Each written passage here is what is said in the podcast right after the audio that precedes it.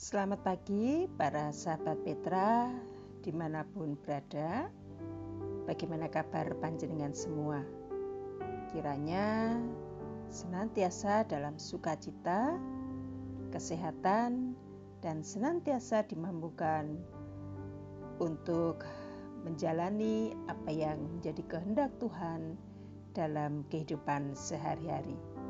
Dan sudahkah kita mengasihi orang lain hari ini. Embun pagi 20 Oktober 2021 hari ini kembali kita dipertemukan untuk kita merenungkan sebagian kecil dari firman Tuhan yang diambil dari Amos 5 ayat 24 dengan tema besar yaitu pesan Amos. Bersama dengan saya, Pendeta Prajaya Ningtyas dari GKJ Nginto Ento, kita akan bersama-sama merenungkannya, menggemuli firman Tuhan ini, dan kita akan belajar bersama juga apa yang menjadi kehendak Tuhan dalam kehidupan kita melalui pesan Amos ini. Namun, Sebelum kita bersama merenungkannya, mari kita datang kepada Tuhan di dalam doa, memohon bimbingan Roh Kudus untuk senantiasa hadir dalam kehidupan kita dan memberikan bimbingannya bagi kita. Mari kita hening sejenak. Kita berdoa. Puji dan syukur kami haturkan kepadamu, Tuhan yang senantiasa mengasihi dan mencukupkan apa yang menjadi kebutuhan kami. Hari ini kami bisa merasakan dan menikmati berkat kehidupan semuanya karena kasih yang Engkau berikan kepada kami. Tuhan, saat ini kami akan merenungkan firman-Mu. Kiranya Tuhan curahkan berkat-Mu atas kehidupan kami, atas keluarga kami, sahabat-sahabat kami, dan di setiap apa pun yang menjadi langkah hidup kami. Dan apa pun yang menjadi karya kami hari ini.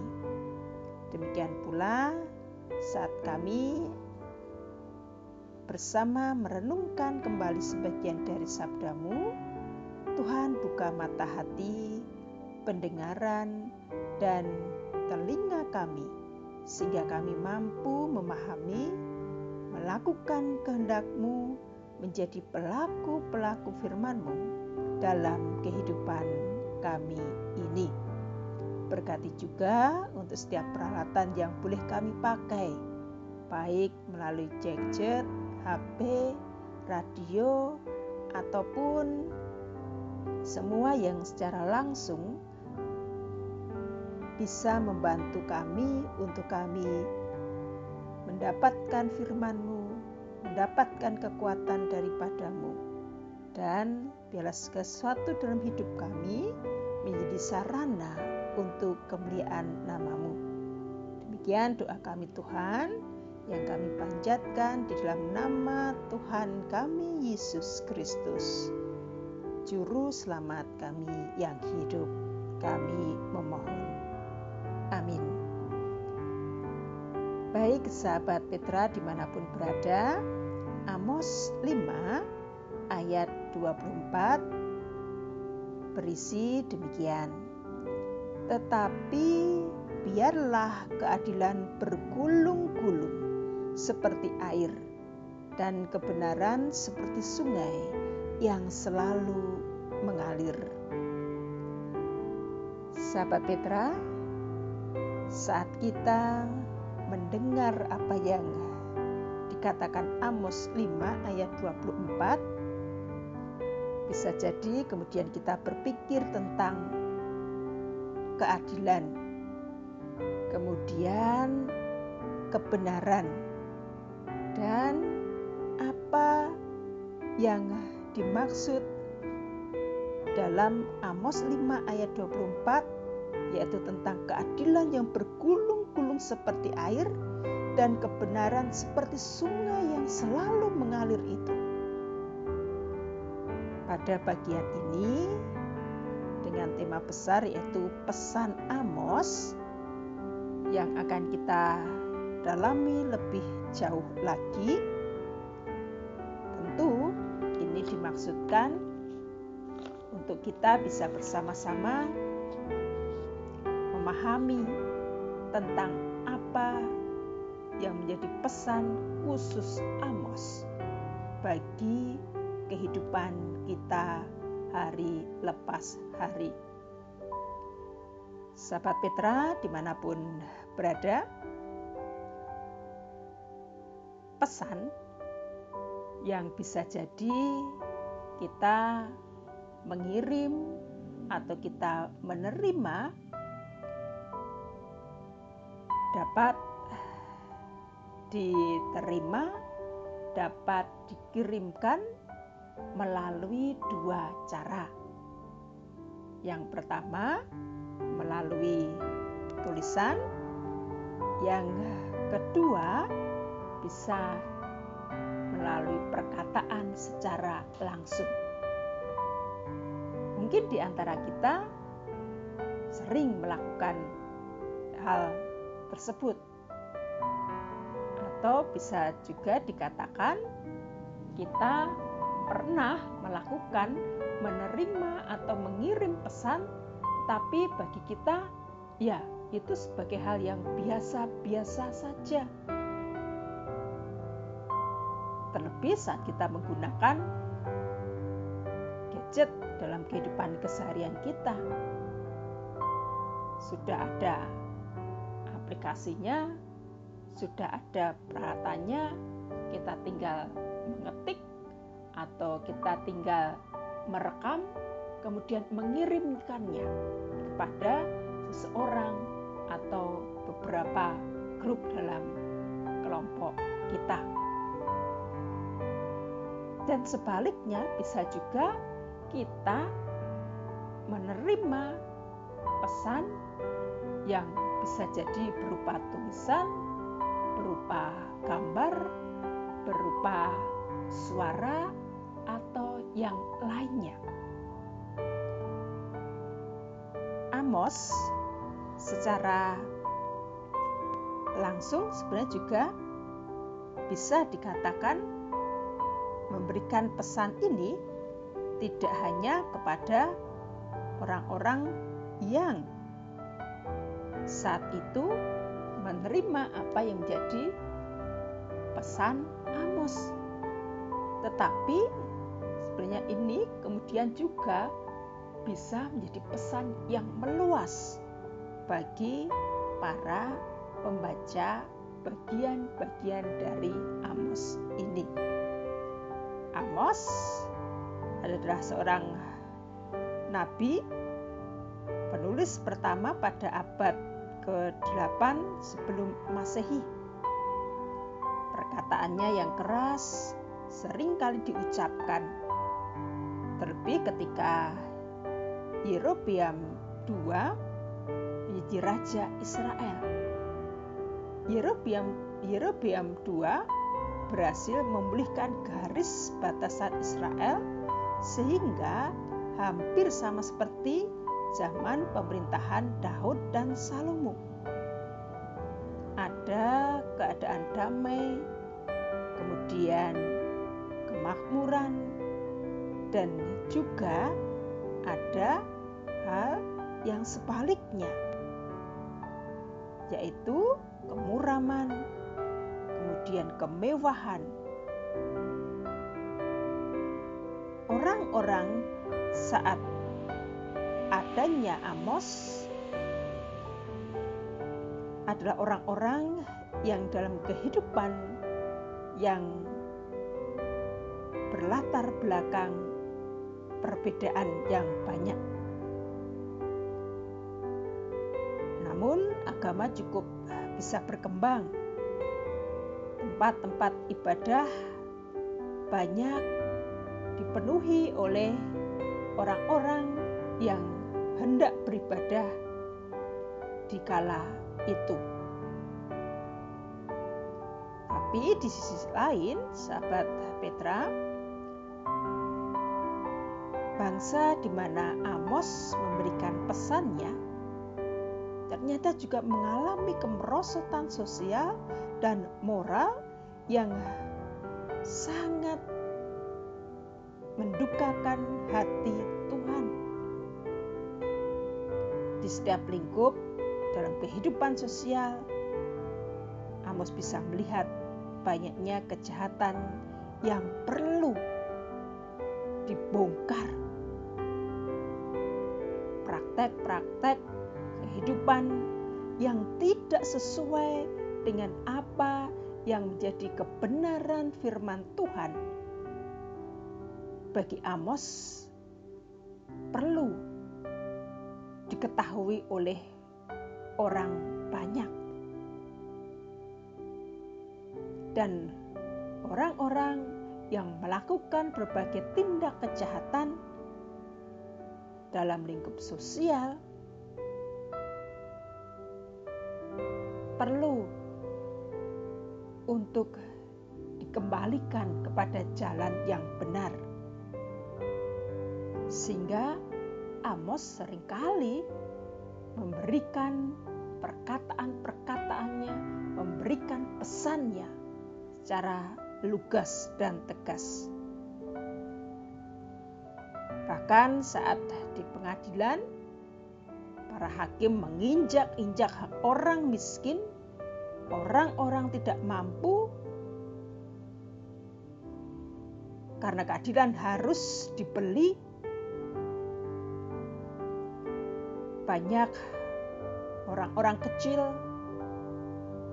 para pedagang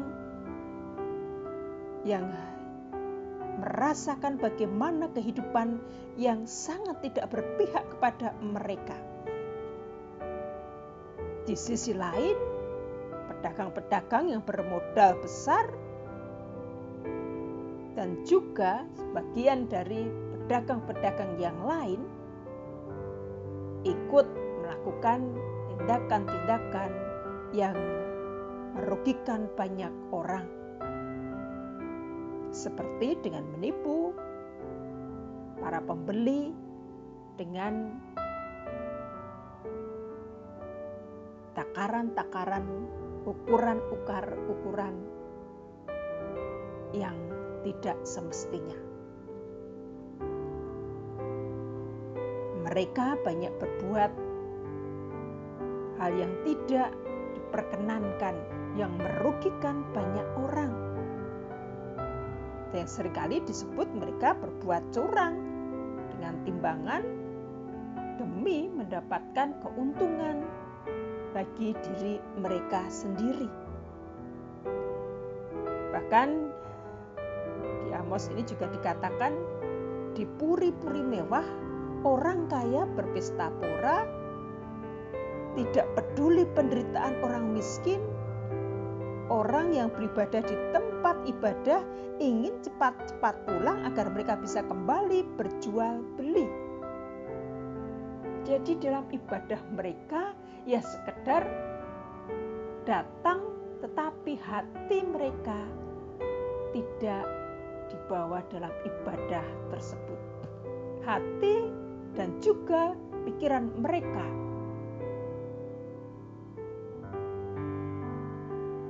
tertuju pada hal yang lainnya.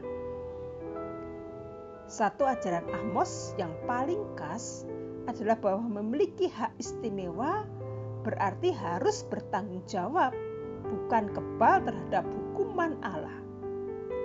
Ini jelas digambarkan dalam dua bab pembuka nubuat Amos. Amos memperingatkan akan adanya hukuman Allah atas enam bangsa di sekeliling Israel yaitu Syria, Filistia, Tirus, Edom, Amon, dan juga Moab. Namun, Amos juga menambahkan bahwa penghukuman Allah akan datang pula untuk Yehuda dan Israel. kalau mereka benar-benar tidak mau melakukan apa yang menjadi perintah Tuhan.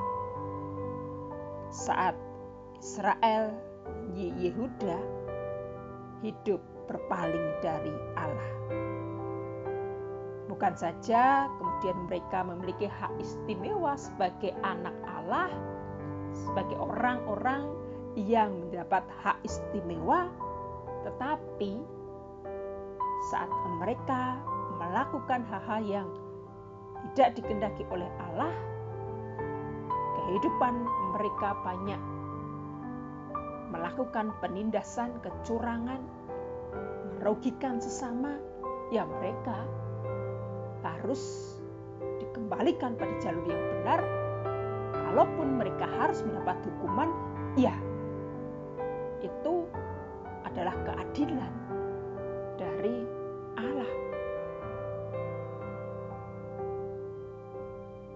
Dan benar apa yang menjadi kehendak Tuhan haruslah terjadi dalam setiap kehidupan umatnya.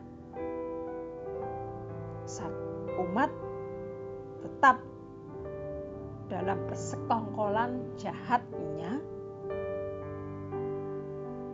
Allah akan tetap memberikan hukuman meskipun Allah adalah Allah yang kasih, tetapi tindak kejahatan tetap perlu mendapatkan hukuman.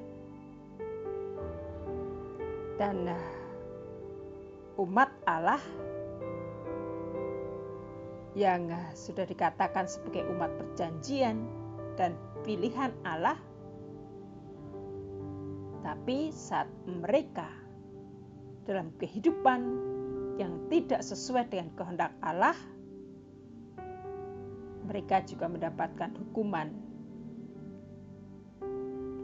Bukan lantas kemudian mereka kebal dari hukuman. Pesan Amos sangat jelas bahwa biarlah keadilan dan kebenaran itu nyata dalam kehidupan, tidak hanya saat ada Amos, tetapi sampai sekarang pun pesan ini harus nyata dilakukan terlebih bagi anak-anak Tuhan yang sudah mengetahui apa yang harus dijalani dalam kebenaran yang sudah menjadi jalur dalam kehidupan kita. Inilah yang secara nyata dituliskan Amos dan menjadi pesan tidak hanya saat Amos hidup, tetapi pesan ini menjadi pesan yang hidup dan dihidupi bagi setiap kita yang menerima dan mengetahui apa yang menjadi tujuan hidup di dalam Kristus Yesus. Dan biarlah pesan Amos tentang keadilan yang bergulung-gulung seperti air dan kebenaran seperti sungai yang mengalir itu benar-benar kita rasakan dan kita pun mewujudkan apa yang menjadi pesan Amos bagi kehidupan keseharian kita di mana pun kita berada. Amin. Mari kita berdoa.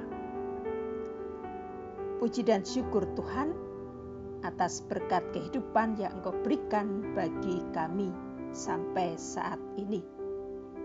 Biarlah kasih setiamu senantiasa mengiringi langkah hidup dan eh, menjadikan kami semakin bergiat untuk setia kepada Engkau. Sebentar kami akan melanjutkan segenap aktivitas kehidupan kami. Biarlah Engkau juga senantiasa memberkati kami di mana pun kami berada. Ampuni segala dosa dan kesalahan kami. Di dalam Yesus Kristus, Sang Juru Selamat kami yang hidup, kami berdoa dan bersyukur. Amin. Demikian sahabat Petra,